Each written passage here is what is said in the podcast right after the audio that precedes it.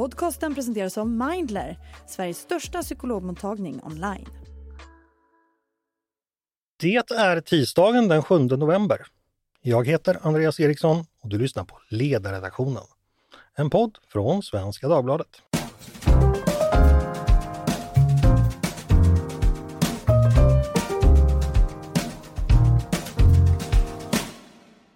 Varmt välkomna till oss igen. Jag ska börja med ett kort litet beklagande. Det var ju så att podden i fredags tyvärr uteblev. Och det berodde helt enkelt på att jag gick och blev lite sjuk och det skedde ganska hastigt så vi hann inte ordna någonting annat. Men det hoppas vi vi ska kunna se till att eh, ersätta er för helt enkelt. Vi poddar under den här veckan. Det om det.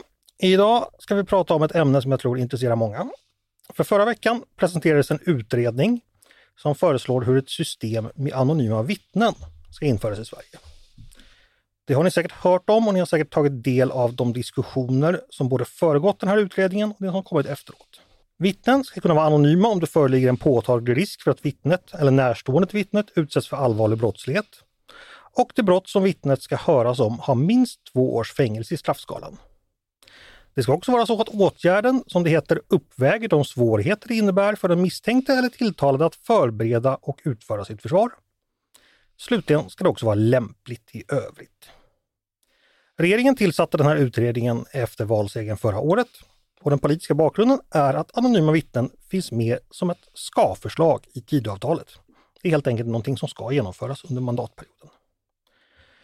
Det här känner ni som sagt säkert till och jag gissar att många av er har funderingar och frågor kring saken. Vad exakt innebär det här förslaget? Vilka problem är det tänkt att lösa? Och finns det några uppenbara nackdelar eller risker med förslaget? Och vilka avvägningar ligger bakom det?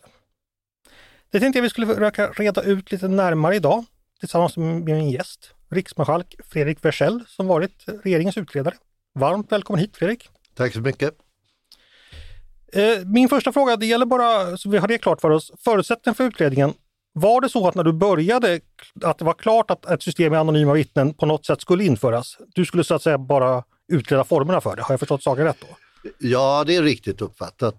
Det har ju varit ett antal utredningar som, som har kommit fram till att, att eh, anonyma vittnen eh, inte bör införas eller inte ska ha någon plats i det svenska rättssystemet.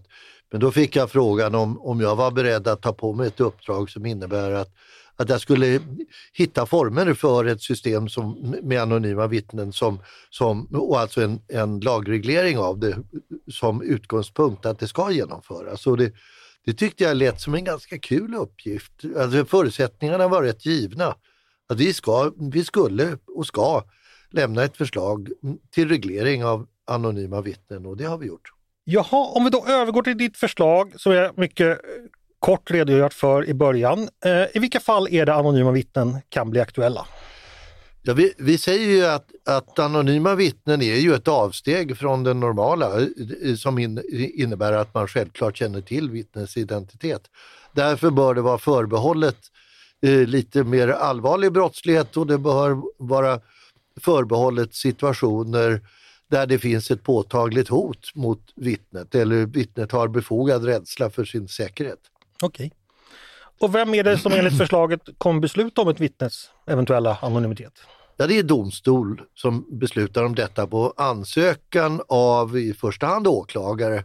Men det är, det är också möjlighet för en, en misstänkt eller för en tilltalad att ansöka om att ett vittne ska höras anonymt. Men det gissar vi kommer bli rätt sällsynt. Jag redogjorde ju här för de här eh, fyra punkterna som var med här. Vill, vill du säga någonting om, om dem? Vad, vad, vad, hur ska man tolka dem och vad betyder de? Den första förutsättningen är att det finns en påtaglig risk eh, för att det här vittnet ska utsättas för hot eller våld. Och, och det, den risken ska vara konkret, alltså det ska inte vara bara en upplevd risk. Det ska inte bara vara en känsla av obehag. Att det här är obehagliga figurer, jag ska, ja. inget sånt utan det måste, nej, utan det måste finnas, det måste finnas, det behöver ju inte vara full bevisning om det, men det, för det är ju en riskbedömning, men det ska vara så att, att det, det finns en befogad anledning att tro att det här vittnet, om det vittnet uppträder under sitt riktiga namn, kommer att kunna utsättas för, för hot eller våld. Mm. Och det här med att det är minst två års fängelse, vad, vad, hur hänger det ihop eller vad, varför är det så? Ja, det finns ju i mycket annan lagstiftning som innebär vissa trösklar där man gör avsteg från vissa grundläggande rättssäkerhetsprinciper, alltså när det gäller tvångsmedel och sådant, att man, man, lägger, man, lägger det, man låter det omfatta brottslighet som är av en viss allvar. Och just för att det ska uppväga de, de så att säga, kompromisser med, med integritet och rättssäkerhet och annat som, som naturligt ligger i den typen av beslut.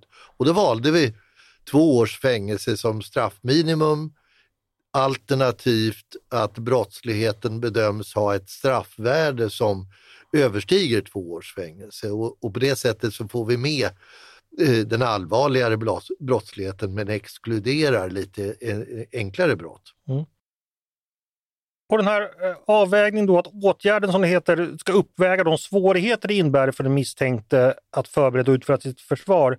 Vad är det för konkret för avvägning det handlar om där?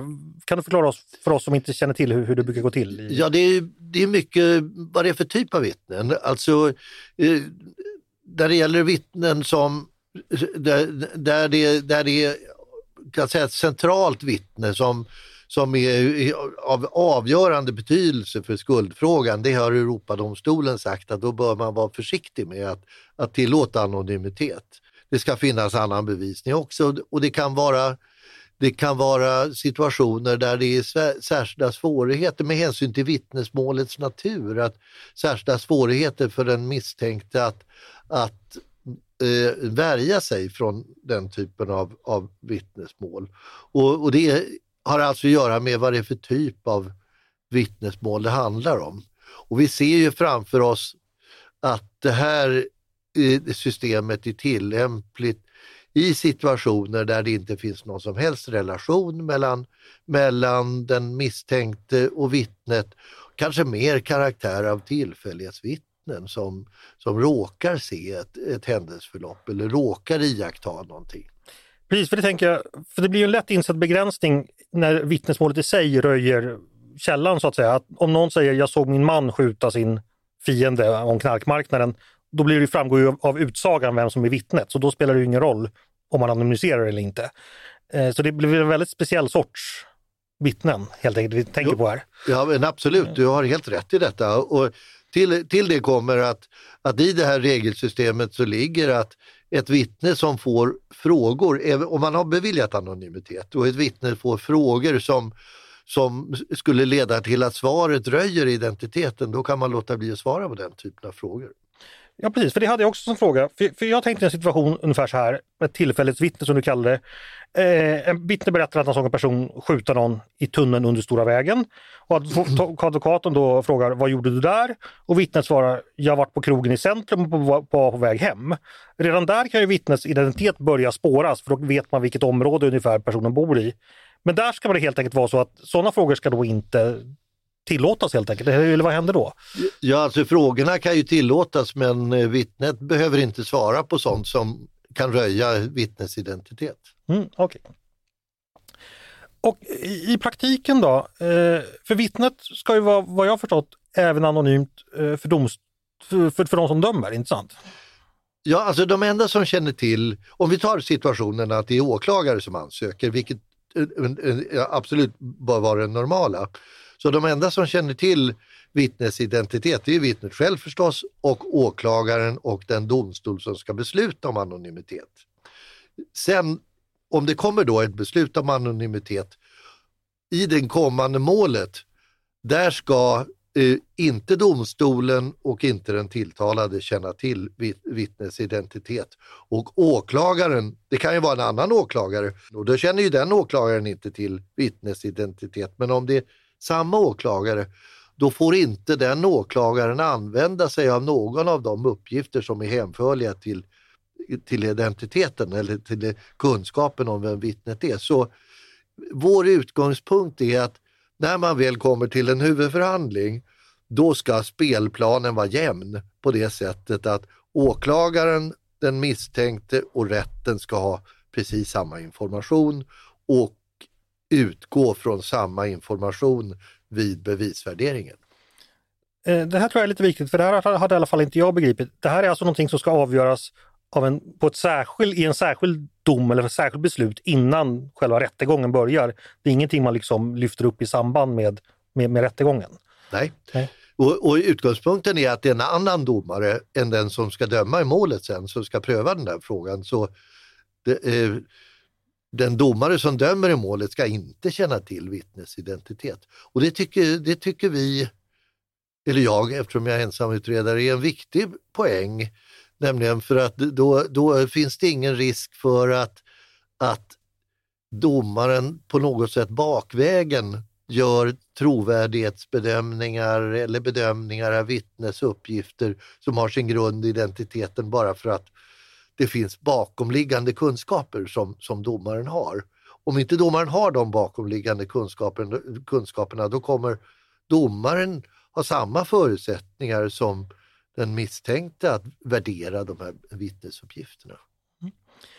Eh, så finns det ju också någonting som handlar om att det ska vara ett offentligt ombud som utses för att bevaka rätt, rättssäkerhetsfrågor i ärendet. Eh, hur, vad är det för någonting och hur ska det gå till? Jo, om vi återigen tar exemplet att det är åklagaren som, som ansöker om anonymitet och, och det är domstolen som beslutar, så är det ju naturligt så att den misstänkte, om det finns ett misstänkt på det stadiet, och det behöver det inte göra i och för sig, för det här kan ju vara väldigt tidigt under en förundersökning.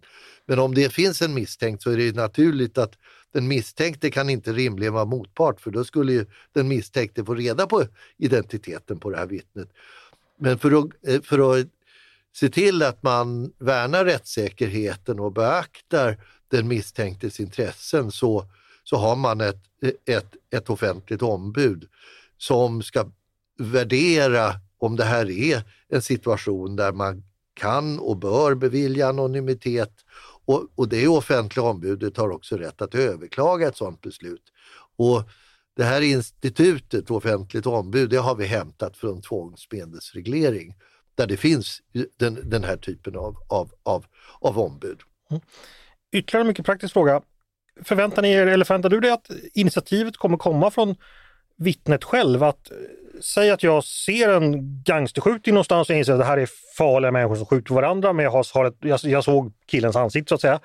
I samma stund jag, då polisen börjar höra mig och säga att jag kommer absolut inte lämna några uppgifter om inte jag kan bli lovad anonymitet. Är det redan då det börjar eller hur, hur, hur kommer det fungera? Ja, det är en situation, eh, absolut. Det, att att, vi, att vittnet i samband med att vittnet ska förhöras av polisen säger att det, det finns, en, det finns en, en, en, risk för att jag kommer utsättas för våld och jag känner väldigt stor oro för detta. Och, och det här rör sig om ett allvarligt brott så därför skulle jag vilja an, vittna anonymt. Mm. Men det kan också vara så att, att polis och åklagare aktivt letar upp vittnen och, och, erbjuder dem en ansökan om anonymitet om situationen är sån att, att man redan på det stadiet kan se att mm. här, här finns det en, en hotsituation och, och, och, och så. Men om vi dröjer vid det första exemplet, då, då, då kan man alltså då så, som vittne säga att jag säger ingenting utan jag vill, ha, jag vill vara anonym och vad gör man då? Ja, då säger man det till åklagaren. Till åklagaren då? Ja, och det är bara åklagaren som kan ansöka. Vittnet ja. själv kan inte ansöka. Nej, okay. Och, och, då hoppas man då, och då kan man då välja att inte säga någonting förrän man har beslutet i sin hand så att säga. Ja, det måste ju vara utgångspunkten att om det, om det finns fog för den här uppfattningen så eh, måste man ju avvakta till dess att den här frågan har prövats av domstol innan förhöret äger rum. Mm. Men det kan ju också vara så att, att en åklagare direkt säger att, eller polisen säger direkt att, att Eh, ja, vi har respekt för, för din uppfattning men här saknas förutsättningar för anonymitet så därför är du skyldig att ställa upp här. Okej, okay, och, då, och då får man inte möjlighet att få sin sak prövad? För, för, vad, vad jag fiskar lite efter är att det här kommer kanske bli någonting som folk hör talas om och helt plötsligt så kommer all, väldigt, väldigt många människor se en möjlighet i det här för att man är lite rädd och orolig i största allmänhet. Det är det jag tänker. Ja, det, jag, jag har stor förståelse för, för den uppfattningen och, och eh, därför så gör vi redan eh, från början klart att vi ser inte att det här är någonting som kommer bli väldigt vanligt.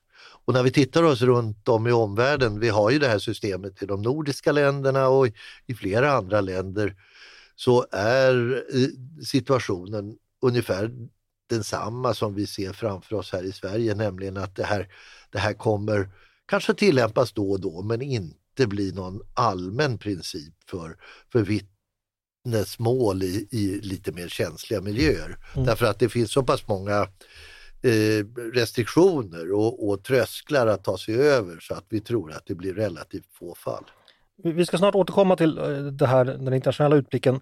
Bara kort om försvarare som, som kallar anonyma vittnen. Eh, vad skulle anledningen till det kunna vara? Ja, det, det, är väl ungefär samma skäl, nämligen att försvararen kan, det kan vara så att försvararen får väldiga, väldigt stora svårigheter att få ett vittne att ställa upp om inte anonymitet kan beviljas därför att det finns en, en hotsituation och den hotsituationen den kan ju vara i förhållande till en målsägande till exempel eller, eller målsäg grupp målsägande eller så. Det, det, är lite svårt att bedöma vilka situationer det skulle kunna vara tillämpligt eftersom vi inte har haft det här systemet hittills. Men eh, det är väl ungefär så jag skulle kunna tro att det skulle kunna fungera. Eh, innan du började med utredningen, hade du någon personlig uppfattning i, i frågan? Jag har inte haft någon bestämd uppfattning. Jag har ju varit väldigt medveten om att, att eh, det förmodligen skulle röra sig om trots allt få fall.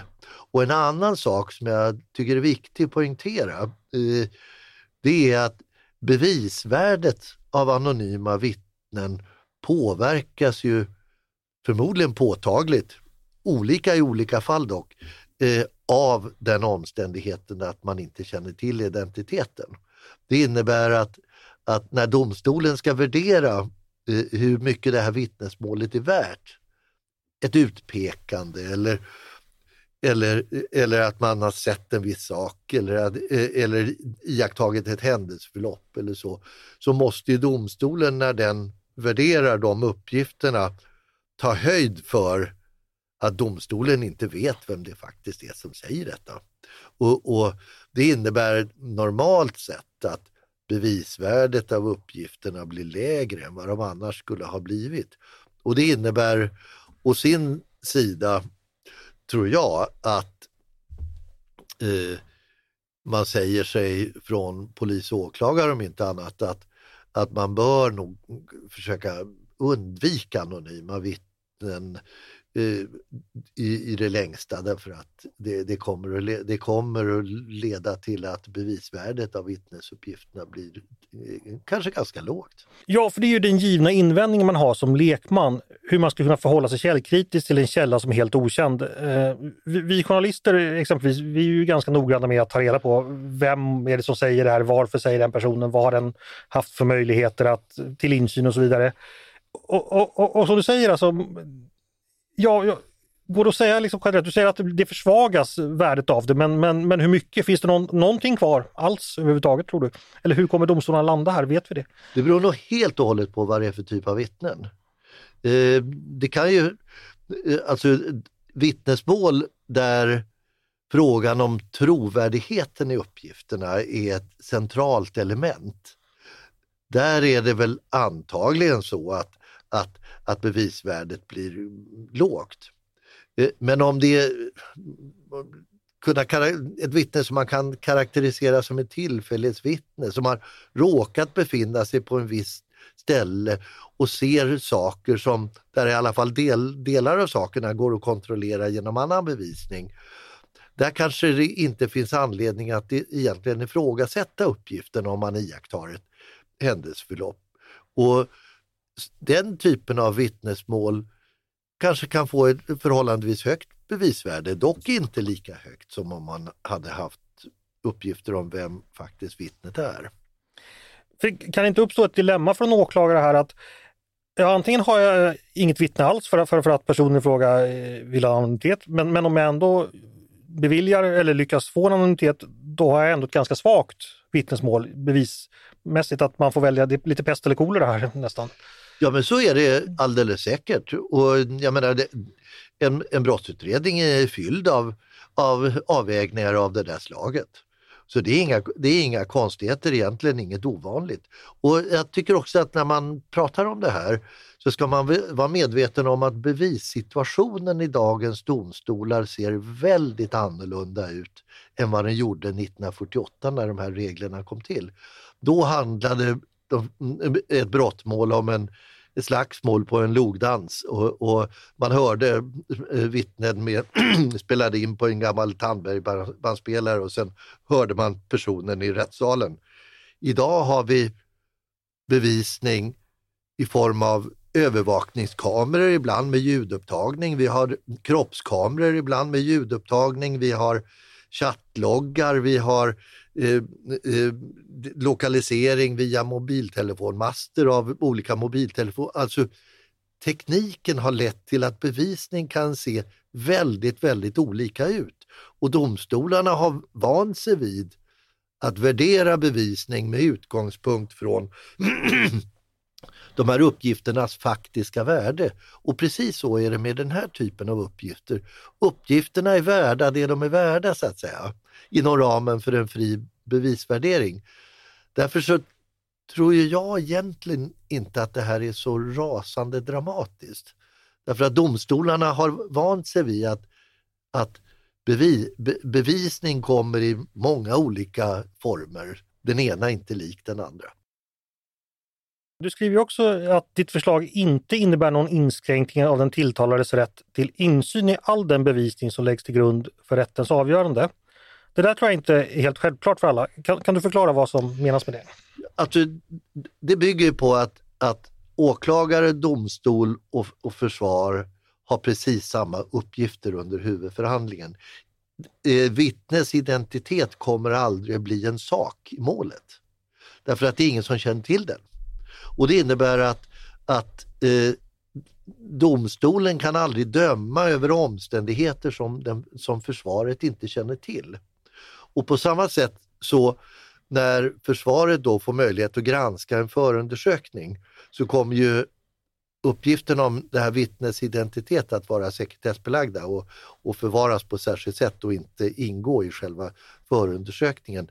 Men de uppgifterna kan, ju inte användas av åklagare eller polis. Eh, du har varit inne på det tidigare men du eh, gjorde ju en eh, internationell utblick till, till en del andra länder där möjligheten att använda anonyma vittnen redan finns, bland annat våra grannländer i Norden. Eh, ja, du har redan varit inne på det. Vad är lärdomen? Är, är, det här, är det här ett system som praktiseras ofta någonstans i världen? Eh, nej, eh, det praktiseras inte särskilt ofta men eh, i de länder som har det här systemet så förekommer det av och till situationer där, där det är användbart att använda sig av den här möjligheten och, och där, i de, de specifika målen kan ju vittnesmål av det här slaget få stort värde. Hur kommer det sig att Norge, Danmark och Finland redan har det här systemet? I vilket sammanhang infördes det? Ja, det har införts vid lite olika tidpunkter och, och Eh, jag tror helt enkelt, jag har inte detaljstuderat eh, förarbetena, de politiska motiven till deras regleringar, men jag föreställer mig att de har precis samma bekymmer som vi har haft och har, nämligen att vi har, att vi har en tystnadskultur och vi har en kultur som innebär hot och våld mot vittnen. Och, och det, här, det här är ett stort rättspolitiskt problem som alla länder eh, med eh, rättegångsförfarande lider av. Och det är väl helt enkelt för att i någon mån få bukt med detta som man har ett, eh, möjliggjort ett system med anonyma vittnen. Det förslag som du har lagt, liknar det något existerande system runt om i världen? Ja, det, absolut. Det, är väldigt likt de övriga nordiska länderna men, men det, är lite olika, lite olika varianter. I en del fall känner försvaret försvarsadvokaten till identiteten men inte den tilltalade. Det tycker jag personligen är ett ganska konstigt system eftersom det skapar lojalitetskonflikter mellan den misstänkte och, och försvararen. I andra fall känner domstolen till identiteten eh, men får inte använda uppgifterna. Det tycker jag också inte är något riktigt bra system eftersom det alltid kan leda till misstankar om att, att rätten gör en trovärdighetsbedömning med utgångspunkt från saker som rätten känner till men som de inte talar om för parterna. Därför så, så så eh, har vi valt en, tycker jag, lite renare variant. Men i övrigt finns det ju likheter. Har du något favoritsystem, något land där du tycker det fungerar bäst? Ja, alltså det favoritsystem som, som, som jag förordar, det är det vi har föreslagit. Ja, men med av existerande system, var det någonting du tyckte Nej, det, alltså det, det finns fördelar och nackdelar med allt. Och, och, som sagt, det här används ju relativt sällsynt och det används i lite olika rättspolitiska miljöer så därför är det svårt att dra slutsatser och säga att det finska är bättre än det danska eller det danska är bättre än det nederländska eller så. Utan vi har försökt titta på de olika systemen och så har vi anpassat det till en svensk rättspolitisk miljö och ett svenskt, eh, process, en svensk processrätt. Och då har vi landat här. Mm. Det är ju då i alla fall av de diskussioner som förts de senaste åren, ett, ändå kontroversiellt det här och att man, man oroar sig för, för rättssäkerheten. Vad har du själv tänkt under utredningsarbetet? Har du sett några tydliga problem eller risker alltså du har identifierat under utredningsarbetet eller som du, som du tycker är värt att ändå fundera över? Min bedömning är att det förslag som vi har lagt innebär ingen fara för rättssäkerheten. Eh, det finns flera, eh, finns flera garantier för detta. För det första prövningsförfarandet som sådant eh, innan man har beviljat anonymitet. Sen de trösklar vi har byggt in i systemet men sist och framför allt så är det ändå så i slutändan att, att bevisvärdet av uppgifterna kommer inte bli högre än att vittnesmålet får prövas med utgångspunkt att, från att rätten vet inte vem det här vittnet är. Med de reservationer som därvid måste läggas in i värderingen av uppgifterna. Så att från mina utgångspunkter är den fria bevisvärderingen på sätt och vis den yttersta rättssäkerhetsgarantin i det här systemet. Men vad är det kritikerna oroar sig över? Ja, det är ju framförallt från eh, advokathåll att det blir svårigheter för den misstänkte att förbereda sitt försvar när man inte har möjlighet att, att eh, värdera ett vittnes person och, och värdera, därigenom värdera trovärdigheten och sådant. Och den, har jag, den invändningen har jag förståelse ja, jag tänkte, för. Det låter väl ändå rimligt att det, det, det, kan uppstå ett problem där? Ja visst, absolut. Men, men det skiljer sig inte från från andra typer av bevisning där, där, där man inte riktigt vet vad som ligger bakom och, och, och där uppgifterna ändå tillåts eh, an, eh, användas som bevisning. Mm. För det här har ju diskuterats länge, det har jag sagt flera gånger. Det gjordes ju en utredning så sent som 2021. Eh, utredare den gången var justitieråd Stefan Johansson och han landade i, så här skrev han då, sammantaget anser vi att en reglering om anonyma vittnen i högst begränsad utsträckning skulle bidra till utredningar av eller lagföring av brott. Det skäl som talar mot att införa en reglering som ger möjlighet för vittnen att lämna sina uppgifter anonymt är starkare än det skäl som talar för en sån reglering. Eh, vi anser därför inte att det bör införas en möjlighet att vittna anonymt. Eh, vad tänker du om den ståndpunkten? Jag respekterar den absolut och jag, det, det, är en helt anständig eh, synpunkt som har nog legat förhållandevis nära min egen. Men om du tar bort ordet högst i det här resonemanget så landar det väl ungefär på, på min ståndpunkt, nämligen att det här kommer få relativt begränsat inflytande på uh, kunna användas i relativt begränsat antal fall. Men min slutsats blir att att det blir ändå några fall där det kan användas och den möjligheten blir i de fallen så pass viktig så att det uppväger de invändningar som finns.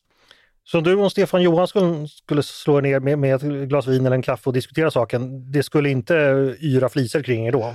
Nej, vi, vi, känner varandra väldigt väl och har arbetat länge tillsammans så, så några sådana tendenser har aldrig funnits i våra samtal. Nej, men, men ni skulle inte stå så långt ifrån varandra heller låter det som på dig. Nej, det tror jag inte. Jag tror att vi, jag tror att vi skulle föra en högst respektabel dialog om fördelar och nackdelar där vi kanske till slut landar i olika slutsatser. Och, och jag tycker när man läser Stefan Johanssons eh, utredning också så han, han nalkas problemen med stor mått av ödmjukhet, också, också han.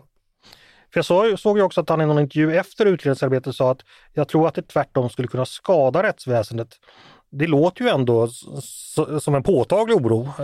Jag, jag tror möjligen att det bottnar i att, att det är lite grann det du var inne på, nämligen att det kan skapa förväntningar hos vittnen om att man ska kunna uppträda i anonymitetens skydd i större utsträckning än vad som faktiskt kan bli verklighet och på det sättet eh, leda till felaktiga uppfattningar.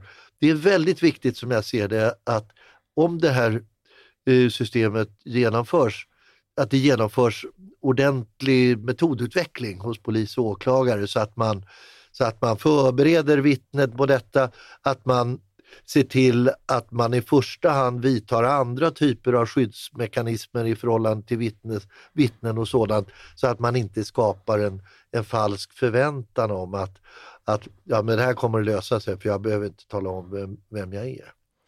Nej, för det är ju en intressant aspekt. För, för det är ju en sak hur, hur, ni jurister resonerar, så finns det ju en medial och politisk dimension här också där det här är en kontroversiell fråga och det pratas mycket om det och för oss eh, som hade oturen att komma in på Handels istället, vi begriper ju inte riktigt det här och då, då, då kanske det blir så att det, det bland, ja, bland vanligt folk helt enkelt uppstår att ja, ja, men man kan ju vara anonym nu för tiden helt enkelt och då blir det en annan sak. Och så möts man av ett helt annat i praktiken och blir kanske besviken eller det blir förvirring eller det uppstår onödiga konflikter. Det, ja, vi har varit inne på det lite tidigare. Ja, det finns absolut en sån risk eh, och det gör, det gör att, att det är viktigt att, att man är pedagogisk när man förklarar systemet.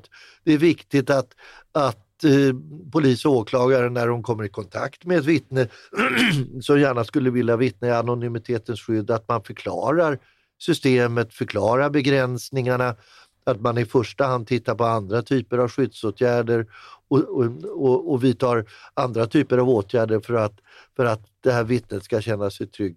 För att se till att man inte skapar det här intrycket av att, att ja, men jag kan ju vittna anonymt så det, det är inte något större bekymmer. För så kommer det inte riktigt att fungera.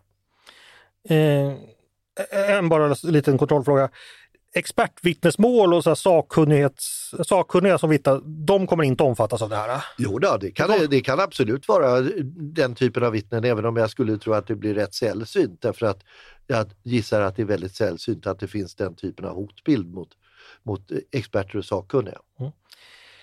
Finns det någonting i, i dels hur det här, här har debatterats politiskt eller hur det har skildrats i media som du tycker eh, har blivit fel eller missförstått som du tycker skulle vilja ta chansen att klarlägga? Ja, den vanligaste missuppfattningen tror jag det är att, att man tror att ett vittnesmål som lämnas anonymt blir lika mycket värt som ett vittnesmål som lämnas med, med fulla uppgifter om vittnets identitet och så kommer det ju inte bli därför att man kommer att värdera bevisningen med utgångspunkt från att det här är ett anonymt vittne.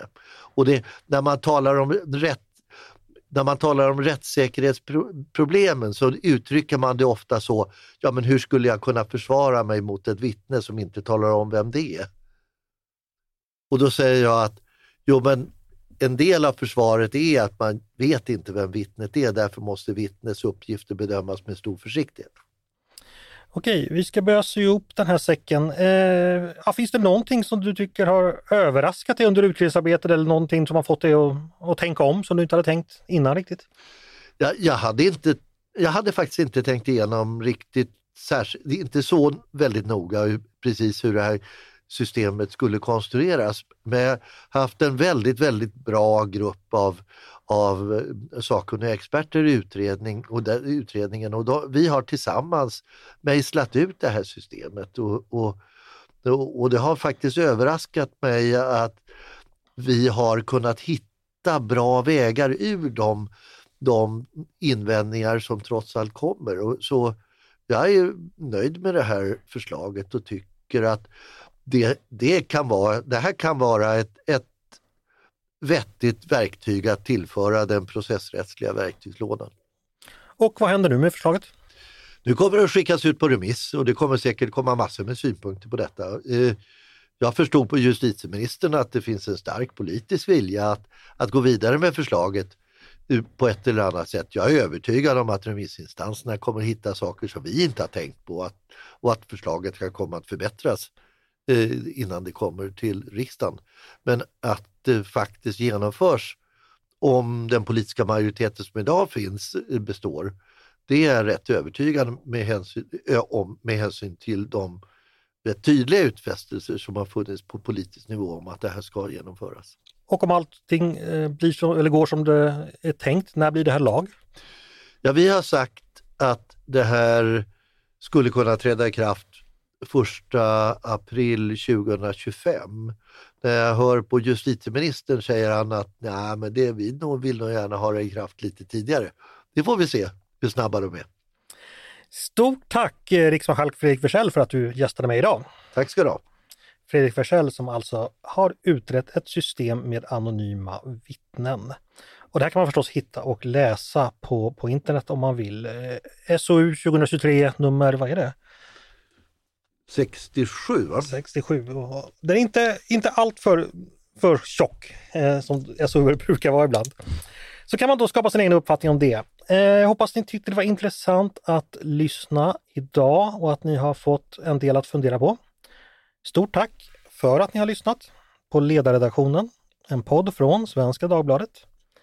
Ni är varmt välkomna att höra av er till oss på redaktionen med tankar och synpunkter på det jag och Fredrik precis har diskuterat. Men också om ni har idéer och förslag på saker vi ska ta upp i framtiden. Då är det bara att mejla till ledarsidan snabela svd.se.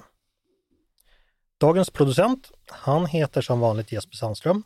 Själv heter jag som vanligt Andreas Eriksson och jag hoppas som vanligt att vi hörs snart igen.